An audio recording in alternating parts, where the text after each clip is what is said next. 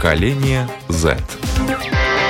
Здравствуйте, с вами Марина Талабина, режиссер программы Даниэль Йоффе, звукооператор Марис Лацис. И тема сегодняшней нашей программы Кого надо бью, кому надо помогаю.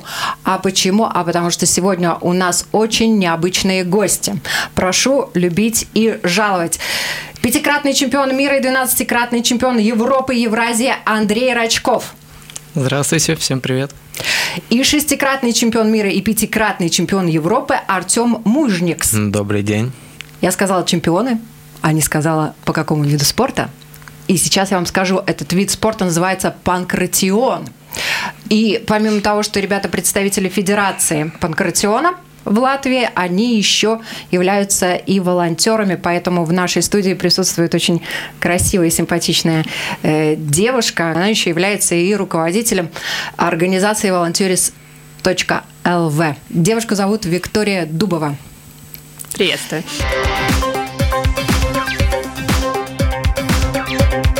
Поколение Z. И, э, как я уже сказала, тема нашей программы «Кого надо бью», а кому надо помогаю. И э, вид спорта панкратион, я думаю, что всем, безусловно, хочется узнать, а что же это за вид спорта? Ребята, рассказывайте. Да, я могу рассказать, что такое панкратион, э, так как я еще во время учебы в средней школе писал даже научно-исследовательскую работу про панкратион и его историю. Вот, поэтому я могу рассказать. Ну, конечно, всю работу я сейчас рассказывать не буду, но э, расскажу вкратце.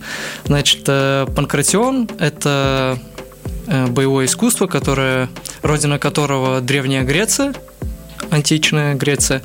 Вот, и это считается прародитель всех современных э, видов единоборств. Если мы возьмем слово панкратион, то э, его можно разделить на две части. Пан и кратус. Из двух слов оно состоит. Пан – это как бы все, все, кратус – сила. То есть можно перевести как всей силой. То есть э, всеми умениями, всеми, всеми навыками, которые у тебя есть, надо победить противника. Основателей Панкратиона как бы как людей конкретных э, неизвестно, но если мы обратимся в мифологию Древней Греции, то основателями Панкратиона считаются э, Тизей и Геракл. Потому что Геракл побеждал использовал технику панкратиона в бою с э, э немейским львом, а Тизей э, использовал панкратион э, в бою с Минотавром. Вот, поэтому они считаются как бы основателями мифологически. Вот. Но что точно известно, это то, что в 648 году до нашей эры Панкратион был включен в Олимпийские игры и считался одним из главных состязаний. И что очень важно подметить, это то, что олимпийскими чемпионами по панкратиону в то время э, были такие известные личности, как Платон и Пифагор. Те самые философы и математики, что интересно еще, конечно, вот добавлю к мифологии э, Геракл, победив в бою немейского льва, э, он же сначала стрелял в него стрелами, не смог его победить стрелами, потому что у него шкура была слишком жесткая, толстая. Да. И победил он его при помощи именно как раз приемов... Удушающим приемом. Да, панкратиона и шкуру того самого немейского льва он носил.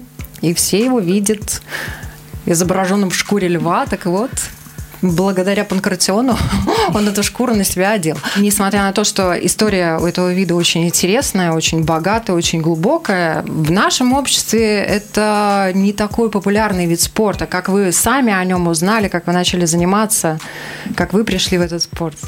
Давай. Ну, я пришел в этот спорт в 14 лет, зимой. Э, познакомил меня отец с тренером. Раньше я до этого занимался разными видами спорта, тоже и единоборствами, включая э, кикбокс и бокс. Но какое-то время мне это надоело и хотел что-то новое попробовать. Вот, и узнал, что такое панкратион. Э, то, что это смешанные единоборства, и меня это очень привлекло. И познакомился с тренером, вот, и так начался мой путь. Угу. То есть то, что можно использовать максимальное количество приемов, да? Да, у нас э, в нашем виде спорта можно использовать почти все приемы. Ни в одном виде спорта. Да, нельзя выкалывать такого. глаза и царапаться, да, и кусаться еще, по-моему, нельзя. Да. Все остальное можно. Да. Да, могу добавить еще тоже, опять, если вернемся немного к мифо- э, не к мифологии, а к э, античным Олимпийским играм. Э, Позже панкрати... ну, в то время в панкратионе по правилам было запрещено только кусаться и выдавливать глаза. Вот. Но несмотря на это, все равно из-за травмоопасности панкратион потом исключили из Олимпийских игр. И потом, когда Олимпийские игры возрождали, то Пьер де Кубертен, он сказал, мы принимаем все, кроме панкратиона. Ну да, вот почему он так сказал, неизвестно. Он не так менее- сказал, э, основываясь как раз на, ссылаясь на то, что это очень травматичный вид спорта. Когда-то был давно, да, потому что сегодня Да. это уже не, не, такой. Сегодня, э, конечно, сегодня спорта. есть экипировка, сегодня больше правил. э, И, конечно же, травматичности гораздо меньше, чем в античные времена. Э, Но тем не менее травматичность есть. Ну, как и в любом спорте присутствует, но э, даже среди нынешних и современных э, видов спорта панкратион далеко не в первых местах по травматичности. Мгм. Ну, ну, ну, были какие-то у вас травмы, полученные в бою? У меня, к сожалению, самая большая травма была, или к счастью, это перелом пальца, и все. Слава богу, да. Да. Что это все, да. Ну, у меня серьезных травм не было практически. Ну, один раз и то на тренировке я упал неудачно. Вот, и то потому, что не соблюдал технику э, правильного падения, страховку. Вот, но за 17 лет, что я занимаюсь единоборствами, из них 14 лет конкретно в панкратионе, э, серьезных травм у меня не было. Вот мне интересно, э, Артем свою историю рассказал, Андрей, вы тоже расскажите, как вы начали заниматься боевыми искусствами, кто вас привел, как вы нашли своего тренера. Было дело так. Э, Мне было 6 лет, исполнилось. И как раз на свой день рождения я пошел первый раз на тренировку. Вот, и с тех пор до сих пор занимаюсь. Ну, сначала я занимался не панкратионом, я занимался джиу-джитсу. Вот, но спустя три года, потом там правила поменялись, то нельзя, это нельзя. А у меня всегда было такое, что я ну, более свободные правила люблю, то есть бо- более универсальные. Вот. А в панкратионе как раз уже и в то время, и до сих пор по правилам было ну, как бы все разрешено. И борьба, и ударная техника, и болевые, и удушающие, ну, в общем, разнообразие. Этим меня и привлек Панкратион вот, с тренером нашим Сергеем Домниным и президентом Федерации. Э, Я уже на то время был знаком, вот поэтому перешел в Панкратион. Ну так и перешли, не просто перешли. Шестикратный, пятикратный чемпион Ну да, мира, помимо всех э, де- десятикратных чемпионов Европы, Евразии, и пятикратный чемпион Ев- Европы, правильно? Да, и как- как- я как? могу еще сказать то, что э, благодаря Панкратиону мы универсальные бойцы, так сказать, поэтому мы можем выступать э, в любых видах спорта, где, где есть ударная либо борцовская техника. Мгм, То просто есть, соблюдая правила этого вида спорта. да, да, да, Да. конечно. Мгм. Вот, э, ну, у меня я уже начала заикаться в связи с вашими титулами. Э, Вот помимо того, что вы занимаетесь, вы еще и получаете награды. Награды такого уровня, да. Панкратион, э, мы говорили о том, что это был э, вид олимпийского, олимпийский вид спорта, да, и э, Афины не так давно тоже хотели, когда в Афинах проходили Олимпийские игры, как раз Греция предлагала панкратион вернуть как олимпийский вид спорта тоже снова, чтобы люди на Олимпиадах выступали. Вот э, движение в мире достаточно серьезное, большое, огромное количество людей занимается панкратионом, э, и э, вы в Европе первый. Ну, секрета никакого нет, упорные тренировки. Я не знаю, может, многие думают, что есть какой-то секрет, но секретов нет. Надо тренироваться, надо выступать, надо стремиться к достижениям, к победам. Я за счет того, что, ну, за счет спорта, я как раз э, ну, не, не только на соревнованиях побеждал, но по совместительству, например, я был в 10 странах за свою жизнь, по всей Евразии, и во всех них я был как раз за счет спорта, за счет того, что ездим по соревнованиям, выступаем. У меня такое впечатление, что вы знаете какой-то секрет, э, как это делать легко. Нет. Как- Самое главное – это тренировки. тренировки, труд. Не пропускать, да. А сколько тренировок в неделю? Э, смотря в какое время, если очень важные соревнования, то минимум 5 тренировок, это каждый день рабочие дни, и может быть и такое, что по два раза в день, включая еще субботу. Да, ну а так сказать, в мирное время, ну, 3-4 тренировки в неделю. Да. В среднем. Помимо того, что вы являетесь э, чемпионами среди чемпионов по панкратиону, вы еще и э, вот э, как говорится, в панкратионе присутствует кодекс чести и сохранены все моральные и этические нормы, присущие нынеш... действующим тем же самым олимпийским видам единоборств. Да? Я бы хотела спросить, вот, рассказать о, об этих этических нормах, которые вы тоже знаете, которые вы соблюдаете, и потом как раз перейти к тому, чем вы еще занимаетесь, помимо панкратиона. Да, ну, конечно, как и как и в любом виде спорта, как и вообще в целом спорту присуще. Э, ну, естественно, надо всегда уважать э, противника, уважать тренеров, уважать э, судей на соревнованиях. Вот. Ну и, конечно же, в, в панкратионе, как в боевом искусстве, э, есть такие ценности, как э, защищать слабого, вот, пом- помогать слабым. Вот как раз то, о чем, о чем мы еще пришли поговорить сегодня. Слабая девушка организовала сильных мужчин и создали и сделали еще такое доброе дело, которое уже по традиции шестой год подряд делается Пожалуйста, вам слово. Расскажите об этом да, подробнее. Я хотела сказать, что наши ребята, они действительно вот золотой фонд латвийской нации, потому что они помимо спортивных достижений, которых уже неоднократно повторяли, да, то есть грандиозных спортивных достижений, они успевают как-то умудряются заниматься и учебой, потому что а, значительных успехов добились и на этом поприще. И плюс ко всему они еще занимаются и таким благим делом, как благотворительности.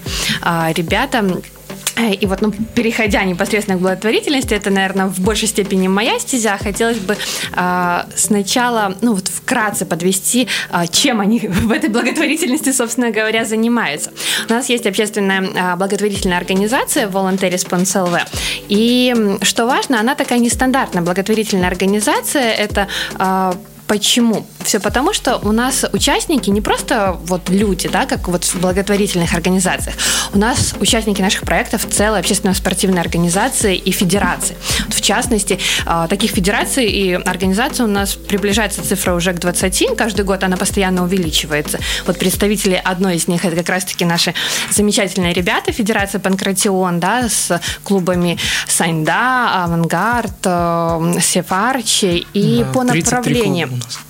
А, это только Панкратиона? 33 э, клуба Федерации. Федерации, Федерации Панкратиона. Да, и, Латвии. Да. И прародители этих клубов, клуб Сань, да. Большинство из э, нынешних клубов, которых 33 э, федерации, большинство из них это ученики клуба Саньда, создавшие свои клубы. А сколько человек вообще вот в Латвии занимается панкратионом, только панкратионом? Ой, очень много. Ну, Э, как минимум, например, в самом клубе Саньда за за те годы, что он существует, что он существует, да, да было больше пяти тысяч учеников только. Это у одного mm-hmm. тренера у нашего. И, ну, тренера и по совместительству президент Федерации Панкратион.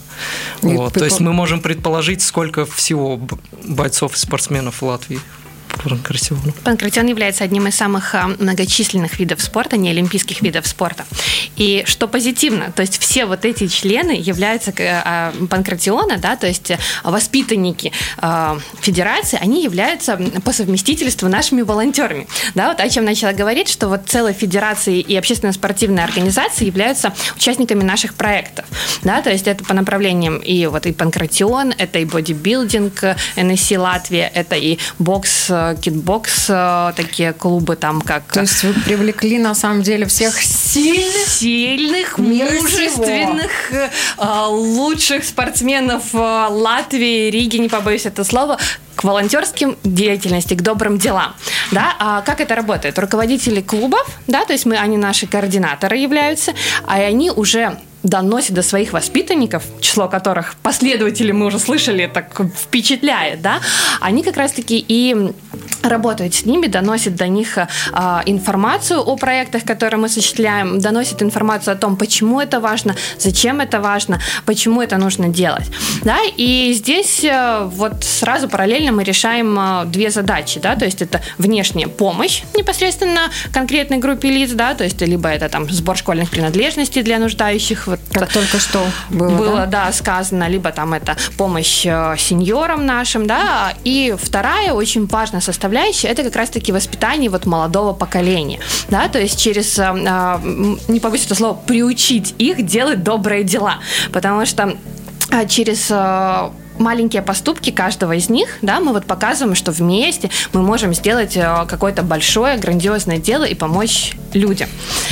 И Здесь очень важно, вот как ребята отметили, это а, роль тренера, да, то есть человека, координатора, который вот работает с этой молодежью, да, с ребятами непосредственно и показывает, рассказывает, как что нужно. Ну вот тут вот очень важный момент, действительно, э, я уже говорила про кодекс, да, это отчасти тоже вот совершение добрых поступков, да, мужественность, э, воспитание. Наверняка ваши учителя, ваши тренера, они являются для вас образцами поведения. Да, конечно, тренер это в жизни отец. Да, любого спортсмена, э, особенно детей, подрастающих, подростков, это очень большой авторитет чаще всего. И очень большое влияние он оказывает именно на, на характер, на, на моральные качества, ну, на воспитание на становление как личности. Поэтому очень важно, чтобы вот эти вот тренера, вот эти координаторы, они вкладывали в молодое поколение правильные ценности. Ну, конечно, тренеры это очень много. Я хотела спросить, вы только тренируетесь или вы уже тоже там с ребятами, ну, как минимум, общаетесь, помогаете тренерам? Да, конечно. Ну, уже столько лет тренируюсь, и, ну, конечно, опыт есть, и когда нужно, например, там ну, у тренера какие-то дела, он, например, не успевает, в общем, очень часто я замещаю тренера на тренировках. Что я, что Артем тоже иногда. Вот. Ну и да, проводим тренировки тоже. Ну да, и проводите тренировки, общаетесь, соответственно, доносите до ребят, до молодых, до маленьких. Э, То, что, что до хорошо, нас доносил что плохо. Тренер, да. Я более чем уверена, что вот на тренировках, особенно когда дети маленькие, происходят такого рода моменты. Там э, начали бороться, заигрались, и потом уже по-серьезному подрались. Бывает такое? В очень ну. редких случаях. Очень редких. Да, редко, ну, бывает, Ну, когда маленькие, у маленьких ребят. Не бывает такого? Нет, не бывает, потому что у нас на тренировках обычно все соблюдается. Если что-то э, делает не так, как надо, то есть свои варианты, как можно это уладить загадка всегда, когда вот э, спортсмены выходят на ринг и дерутся по-серьезному для достижения э, результата, и потом вот в жизни оказывается, что они на ринге они себя друг друга побили, а в жизни они дружат. Ну, это как бы не так легко объяснить, но обычно э, у нас, как у спортсменов, самое главное это э, достижение, во-первых, вот. И тренировочный процесс, потому что без тренировочного правильного процесса у нас не будет достижений. И вот на вот момент того, когда мы именно выступаем уже, уже находимся в ринге, в клетке, либо на татами, у нас идет этот э, всплеск адреналина. Вот. Но как только э, закончились, закончился бой, соревнования, все, он пропадает, и мы уже как бы ведем себя по-другому. Мы не настроены на то, чтобы э, побеждать, ну, в плане драться, вот, и мы можем спокойно общаться даже со своим противником, и, либо с другими людьми. О, Но это тоже воспитывает спорт, да, Виктория, вы очень много общаетесь э, со спортсменами, как раз, которые являются представителями единоборств различных, да, то есть, ну, спортсмены – это вот как раз э, такие образцы достойного поведения, э, они несут в себе и силу, и здоровье, и, и кодекс. И, но это в какой-то степени рыцари нашего времени. Однозначно, это рыцари. И здесь очень важно отметить, что в любом случае, да, единоборства, они такие более персональный вид спорта за свои достижения, как ребята уже сказали, но спорт в любом случае объединяет, да, то есть э, когда а, у них команда, у них же есть не только, как и в единоборствах, не только личные зачеты, но и командные зачеты. И у них есть цель, да, то есть показать, что их страна, да, то есть выиграла, да, то есть их команда выиграла, их клуб побеждает, да, то есть это очень сильно объединяет и сближает. А не говоря уже о таких командных видах спорта, если мы говорим там о каких-то танцах, например, да, то есть когда выступает команда, потому что представители такие есть. И, ну, это очень важно, формирование характера в первую очередь, да, и, и а, формирование правильных ценностей. То есть первое, о чем ну, вот, а, ребята упомянули вскользь, но первое, о чем всегда говорят а, ребятам, и мы вот доносим в рамках благотворительных каких-то проектов о том, что все, что они умеют, все, что их учат, да, то есть а, нужно а, воспринимать и принимать, да, это только в созидание, да, то есть ни в коем случае все свои приемы, которые ты знаешь, нельзя выйти на улицу и обидеть девочку, да, то есть это нужно для того, чтобы, ну вот, защитить кого-то, да, а, но для того, чтобы дать кому-то а, показать свою силу, но это нет, так неправильно, так должно быть, не должно быть, и мы опять же возвращаемся, о чем вы уже сказали, к кодексу чести. Ну да, и название нашей программы «Кого надо бью» это, конечно же, провокация, потому что, ну, вы деретесь, показываете свое мастерство исключительно на ринге и на тренировках тренировках, правильно? Да, конечно. Я могу сказать то, что э, в спортсменах всегда воспитывается уважение. Уважение ко всем, в том числе и уважение, да, к противнику. Потому что вот э, о чем вы спрашивали, то, что каким образом там э, спортсмены друг друга бьют, а потом жмут руки, вот, э, это как раз вот оно и есть. Всех надо уважать, и в том числе и к противнику надо относиться с уважением. И я скажу, что это это больше скорее стереотип, то, что в ринге столько агрессии, вот. Это в ринге всегда нужно сохранять хладнокровие, и потому что мыслить нужно э, практически как в шахматах. Это игра. Если ты будешь э, во время боя поддаваться эмоциям э, и агрессии, то ты будешь допускать ошибки. А если ты будешь допускать ошибки, то, то ты проиграешь. Ну, насколько я вот, знаю, поэтому... что в принципе тренер, э, если э, человек, ученик не, не соблюдает каких-то этических принципов, даже в жизни, да, то в принципе... Это всегда наказывается. Это всегда наказывается, да. Да, всегда наказывается, всегда пресекается. И пресекается, если человек не понимает, то его просто исключают, да? Ну да, Из вплоть круга. до такого да, доходит. Вот э, я нашла такую красивую мудрость э, персидскую, когда готовилась к программе. Высшее мужество в том, чтобы стать выше гнева и любить обидевшего. А вот у вас в жизни, понятно, на ринге все очень правильно, спокойно, спорт э, и правила. Ты принял эти правила, ты играешь по этим правилам. А вот в жизни получается? В жизни тоже получается, раз нам нужно... Э, раз надо в ринге не допускать того, чтобы чтобы агрессия завладела твоим умом, разумом, то и в жизни ты тоже всегда должен контролировать эмоции. Вот, например, э, ну вот ты идешь по улице, тебя там кто-то задел, толкнул или, или там где-то оскорбил. Всегда нужно, э, то есть, ну, выставлять приоритеты и понимать, э, понимать, когда, на, когда наход, наступает тот момент, когда нужно применить силу. Ну, то есть лучше этого избегать. То есть, как мы уже говорили, надо применять силу и свои умения тогда, когда это действительно необходимо, когда надо защитить слабого, защитить родных, близких и так далее. Но если можно обойтись без этого, то, конечно, лучше обойтись без этого. А бывали такие ситуации в жизни? Случалось?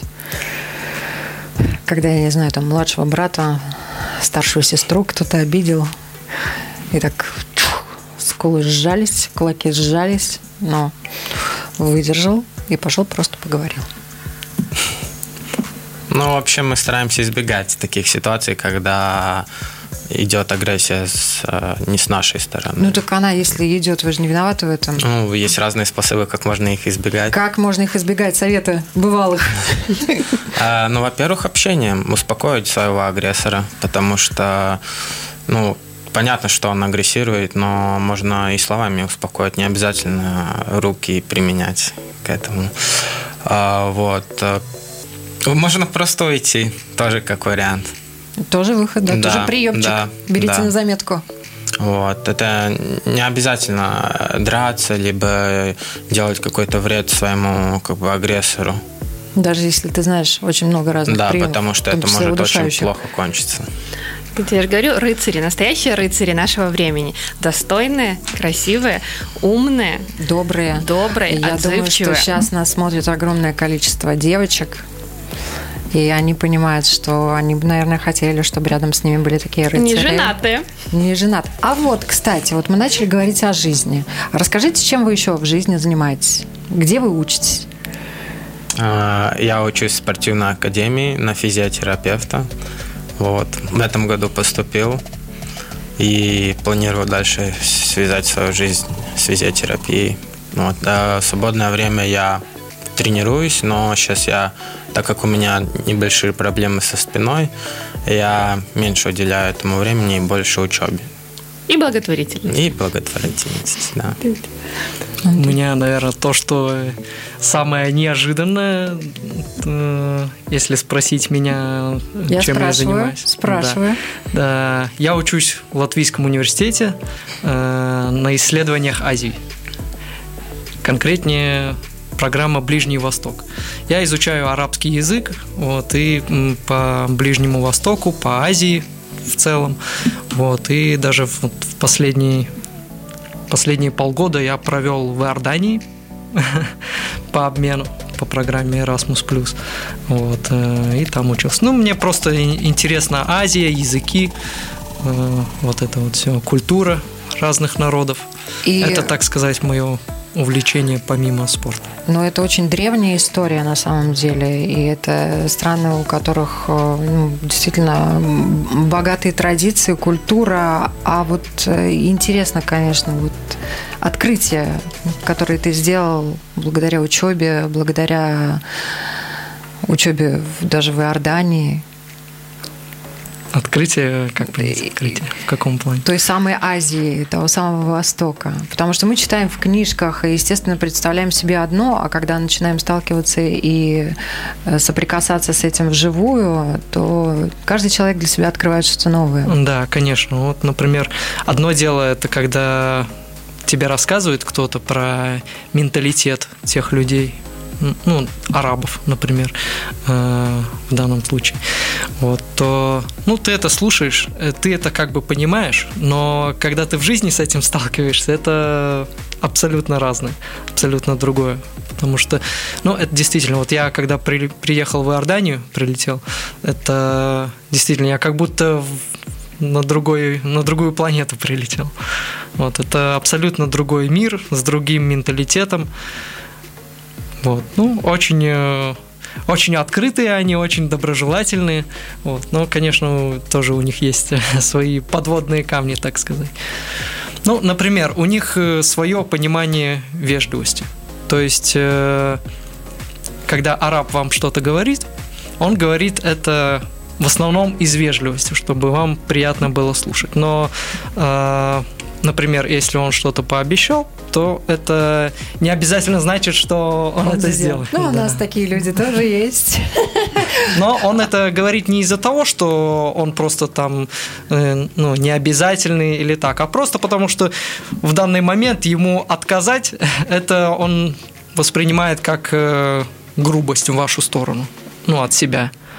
Вот, поэтому, поэтому, ну, они-то, арабы, между собой это понимают, этот менталитет, вот, и они примерно могут ориентироваться, когда стоит к словам прислушиваться, когда нет, вот, но для нас это сложно, вот, поэтому это все нужно изучать, в этом всем надо разбираться, и это все надо знать. А насколько сложный арабский язык? Арабский язык э, сложный, так как э, он вообще из, из другой языковой семьи, это семитский язык, не индоевропейский. Вот, там и другая письменность, и другое произношение, и другая грамматика, там все абсолютно другое. Например, те же э, интернациональные слова, у них э, на каждое слово, на которое в, Ев- в Европе оно везде звучит одинаково, у них найдется свое литературное слово. Вот. Так что так, да, и арабский язык еще и сложен тем, то, что есть литературный язык, а есть диалекты.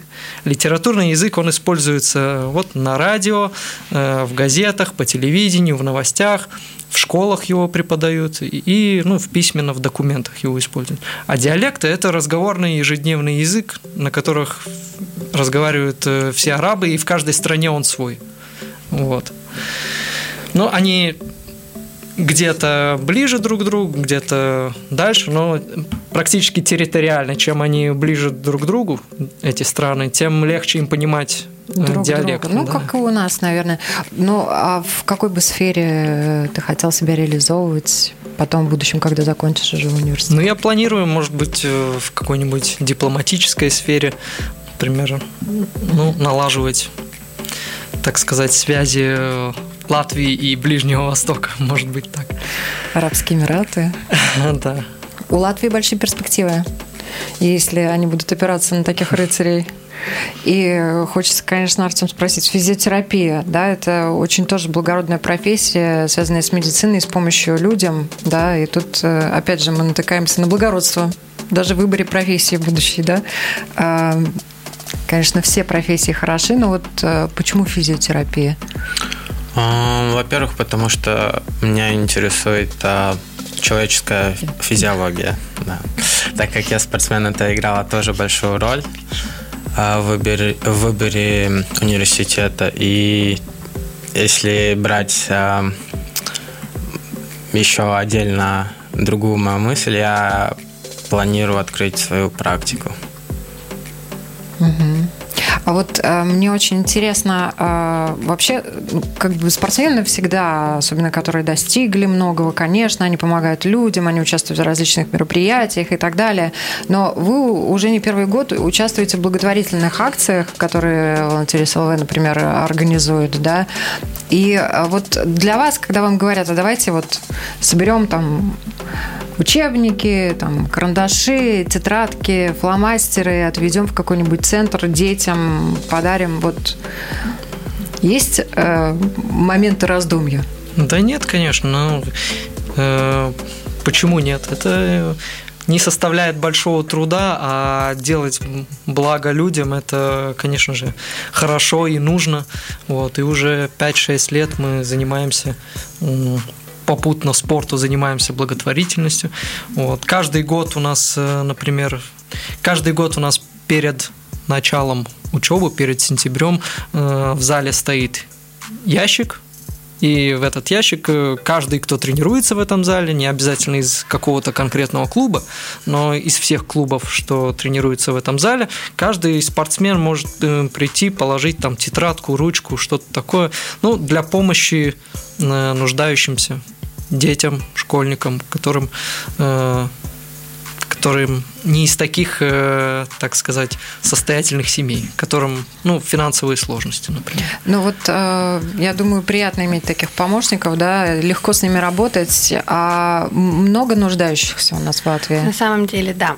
А, как бы это прискорбно не звучало, но уровень жизни достаточно низкий.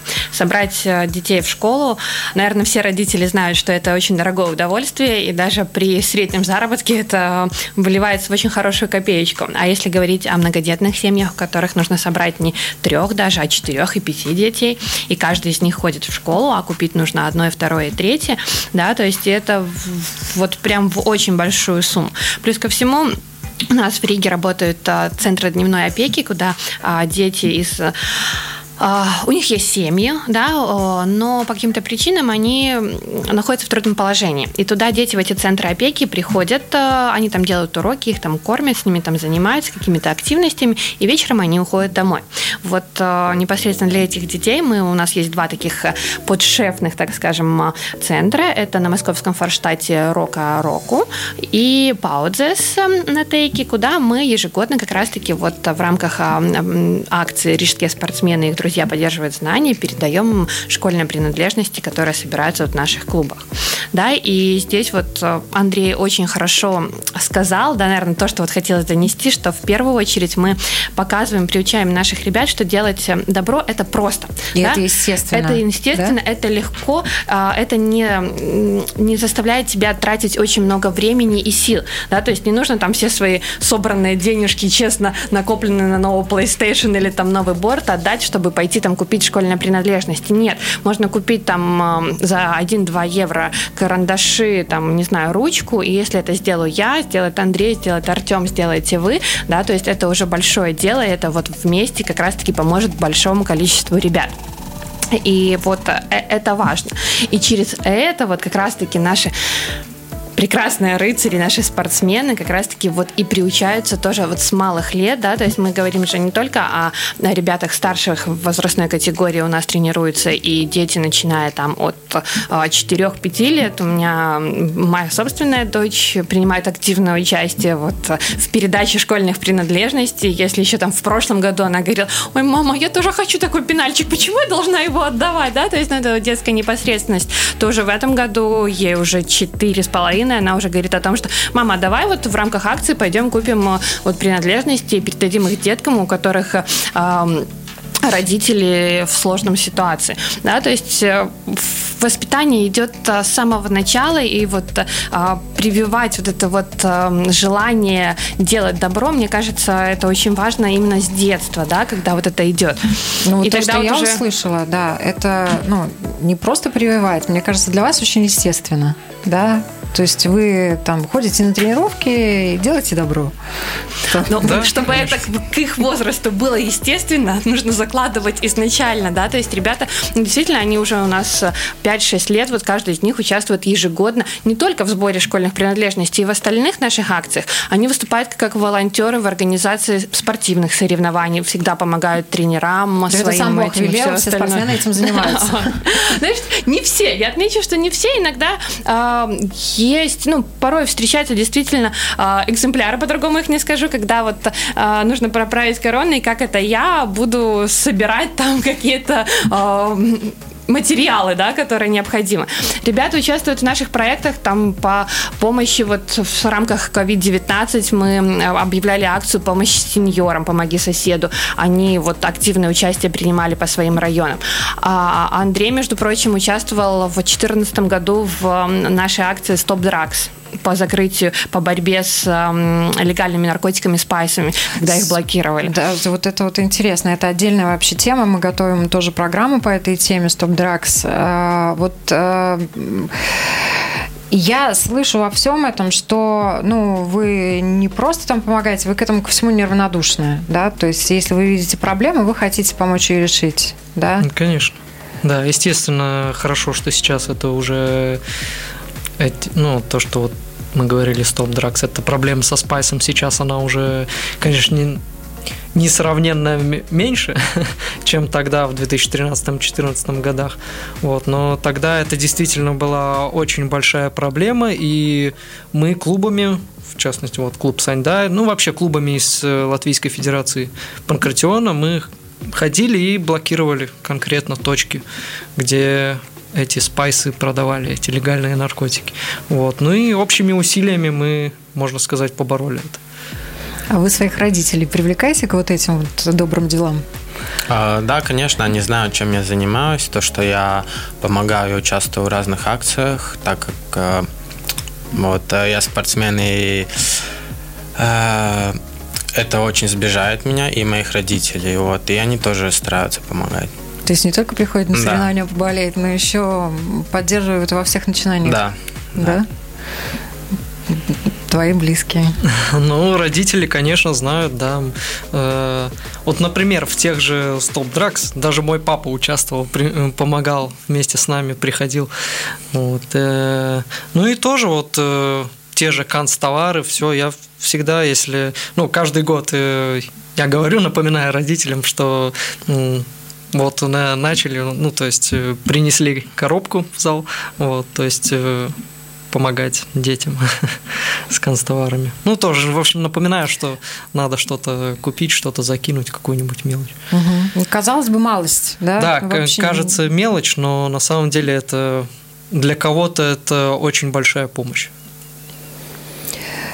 Хотелось бы еще, конечно, с вами продолжать говорить о многом, но э, вот если вы встречаете э, какое-то негативное отношение к такого рода добрым делам, да? Или там кто-нибудь что-нибудь говорит, типа, вот, вы все это делаете, чтобы там звездочку себе на вагонах нарисовать. Бывало такое? Ну, если честно, нет. Да, я такого не слышал, но если кто-то так говорит, то можно ну, легко объяснить, что не каждый же везде об этом кричит, то что вот я там принес, положил эту там ручку или что-то там помочь а детям. Никто а же не трубит об этом, да. И нет, я считаю, что добрые дела показывать надо. Надо показывать вот добрый пример. Мой вопрос как раз, да, всем участникам по поводу того, надо или не надо. Я потом тоже, если захотите, скажу свое мнение, но мне очень интересно. Вот есть такая притча по поводу добрых дел, что если ты что-то доброе делаешь, ты это сделал и забыл, да, и говорить об этом действительно не надо. Вот. Надо ли говорить о добрых делах? Я могу сказать так, что надо говорить о добрых делах, Э, чтобы это слышали люди, что добрые дела делаются и что так надо делать. Вот. Но сказать, что прям каждый об этом ну, должен этим как-то хвалиться, восхваляться, и, ну, то, что вот я сделал доброе дело, вот какой я хороший. Ну, так не надо, но никто с, с такой целью этого и не делает. Как раз мы это делаем добрые дела, как раз в первую очередь, чтобы помочь Э, тем, кому эти добрые дела нужны, и э, показать хороший пример. Полностью добрые дела надо... соглашусь с Андреем. Даже могу добавить то, что надо пропагандировать э, добрые дела, чтобы больше было доброго, меньше зла. Но э, э, даже если есть люди, у которых другое мнение об этом, это их право, и они могут не соглашаться с этим пускай живут. Вы прием показывать не будете. Нет. Хотя можете. Нет, я здесь полностью солидарна с ребятами, и мы всегда говорим о том, что вот добрые дела нужно делать громко, во всеуслышание, а, все потому, что ребята очень правильно отметили, что нужно а, популяризировать добрые дела, вводить на них свое, своего рода моду. Да, и чем больше а, людей будет знать о том, что можно сделать. Ведь многих а, нужно мотивировать что-то сделать. Многие ну, сами стесняются, не знают. И когда об этом говорить, очень многие присоединяются. И вот мы в рамках своего движения а, этим активно пользуемся. Да? И вот был ранее вопрос, обвиняют, сталкиваетесь ли вы с тем, что вот, а, вы все это делаете для собственного пиара. Да, действительно, очень много, ну, немного, но но мы с этим сталкиваемся, и так говорят э, те, наверное, э, диванные войска, их по-другому, знаете, так не назовешь, э, на Фейсбуке, которые, в принципе, дальше того, чтобы вот сказать, а вы это делаете для того, чтобы попиариться, ничего больше не делают. Да? И я убеждена, что чем больше будет информация о том, какие добрые дела проходят, как к ним можно присоединиться, тем больше людей будет к этому присоединяться. Потому что опять же, вот банальный пример э, вот на практике по нашим организациям. Если 5-6 лет назад, когда мы начинали, вот зарождалось это движение, там было а, буквально там 5 организаций, то сегодня это уже более 20, ну, приближается цифра к 20, только в этом году к нам присоединилось новых 5 клубов, ну, то есть общественно-спортивных организаций, что, а, ну, что показательно, потому что они узнали, они услышали, они увидели, как в прошлом году вот ребята собирали, завозили, то есть это были фото, видео, они посмотрели, что да, круто, что вот есть отклик, и мы что тоже так можем в первую очередь, а чем мы хуже, мы тоже хотим помогать, мы тоже хотим быть рыцарями. И, ну, на мой взгляд, э, однозначно, да, нужно разговаривать, э, нужно доносить, э, нужно пропагандировать, нужно mm-hmm. говорить о том, что делается. Я добавлю, наверное, от себя, что нужно делать все для того, чтобы это стало образом мысли, образом жизни. Совершенно верно. Не модой, не трендом, а чтобы было так же естественно, как пойти покушать, я не знаю, полить растения, сделать доброе дело. Правда? Да, именно так. Как сказал Аристотель, мужество – добродетель, в силу которой люди в опасности совершают прекрасные дела. Вот чтобы люди совершали прекрасные дела не только в опасности, ну и просто так. Спасибо вам огромное, что были с нами сегодня и что рассказали о себе. С нами были рыцари нашего времени. Я напоминаю, у нас сегодня в гостях шестикратный чемпион э, мира и 12-кратный э, чемпион Европы и Евразии Андрей Рачков, шестикратный э, чемпион мира и пятикратный чемпион Европы Артем Мужнекс и руководитель проекта volunteers.lv Виктория Дубова. Спасибо. Спасибо. Спасибо большое. Всем хорошего дня.